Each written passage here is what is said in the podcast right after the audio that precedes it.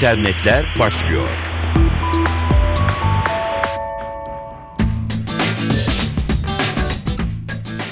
Kısaca internetin öne çıkan gelişmelerini aktaracağız. Mikrofonda Dilara Eldaş.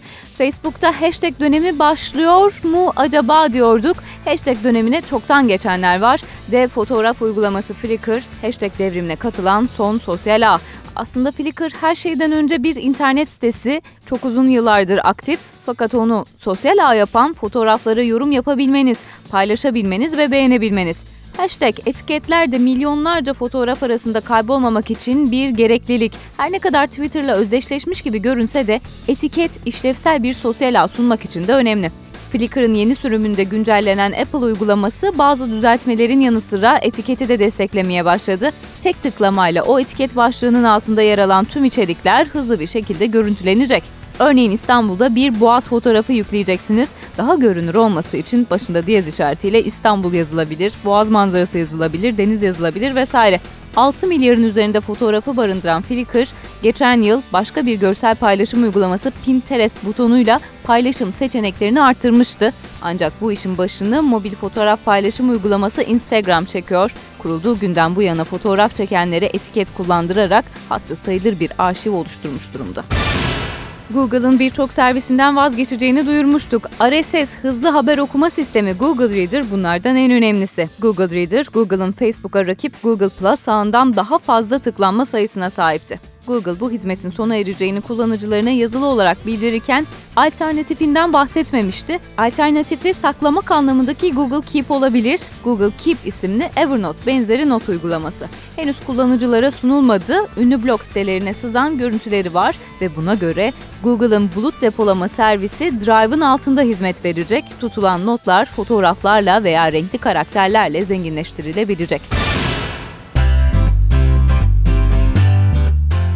Sevgili dinleyenler birkaç hafta önce dünyanın dev haber ajanslarından Reuters'in internet sitesi siber saldırıya uğramış, saldırıya hacker örgütü Anonymous üstlenmişti. Saldırıyla ilgili yeni durum 26 yaşındaki Matthew Keys hakkında. Kendisi bir Reuters çalışanı, sosyal medya editörü, saldırıda Anonymous'a yardım etmekle suçlanıyor.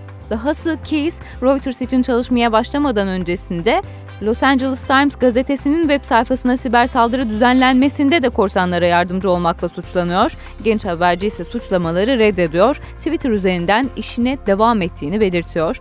Reuters çalışanları tarafından yapılan saldırı hakkında yaptığı açıklamada Case'in 2012'de bünyelerinde çalışmaya başladığını ve Aralık 2010'dan bu yana öne sürülen suçlamalarla ilgili faaliyetlerin araştırıldığını ifade etti.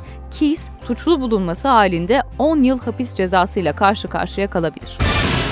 Dünyada milyonlarca kullanıcısı olan GSM operatörlerinin hiç değilse SMS trafiğini azalttığı için sempatik bulmadığı bir mobil uygulama WhatsApp, internet üzerinden ücretsiz mesaj ve paylaşımda bulunabiliyor kişiler. Bunun için kişinin cep telefonu numarasını bilmek yeterli. Hali hazırda Android, BlackBerry, Nokia ve Windows Phone kullanıcılar için abonelik modeli var. Yeni haberse iPhone kullanıcıları için onlar için de abonelik modeli geliyor. WhatsApp'ı ücretsiz olarak indirebilecek iPhone kullanıcıları bir yıl süre geçtikten sonra ise yıllık 1 dolara mesajlaşma uygulamasını kullanmaya devam edebilecek. Tıpkı şu anda devam eden diğer markalarda olduğu gibi.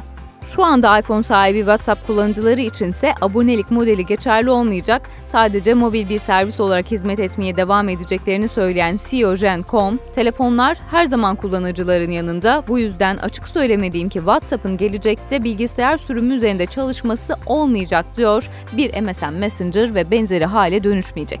WhatsApp üzerinden günde ortalama 17 milyar adet mesaj atılıyor.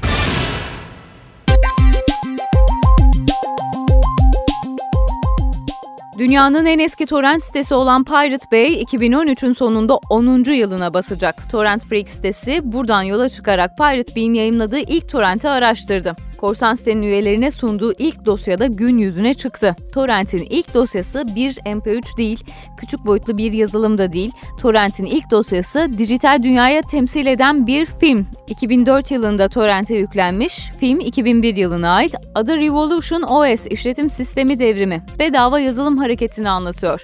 Revolution OS bugün veri tabanında 2 milyondan fazla dosya olan Pirate Bay, henüz birkaç yüz dosyaya sahipken sitede belirdi. İnternetteki en eski torrentin ne olduğu merak edildiğinde ise Revolution OS'ten bir yıl geriye gitmek lazım. En eski torrent bu ünvanı 2005'te alan ve Aralık 2003'te indirilmeye başlanan The Matrix, Facebook ve YouTube gibi sosyal medya ağları henüz hayatta yokken internete düşen Matrix filminin şifrelenmiş metin hali.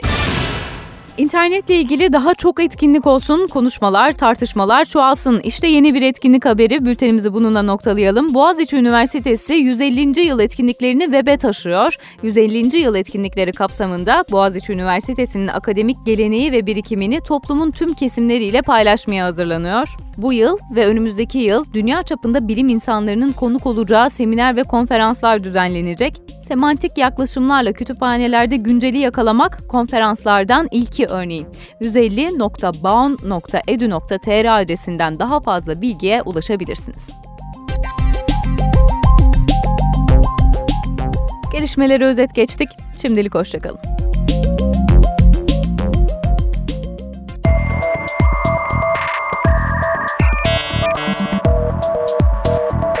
İnternetler sona erdi.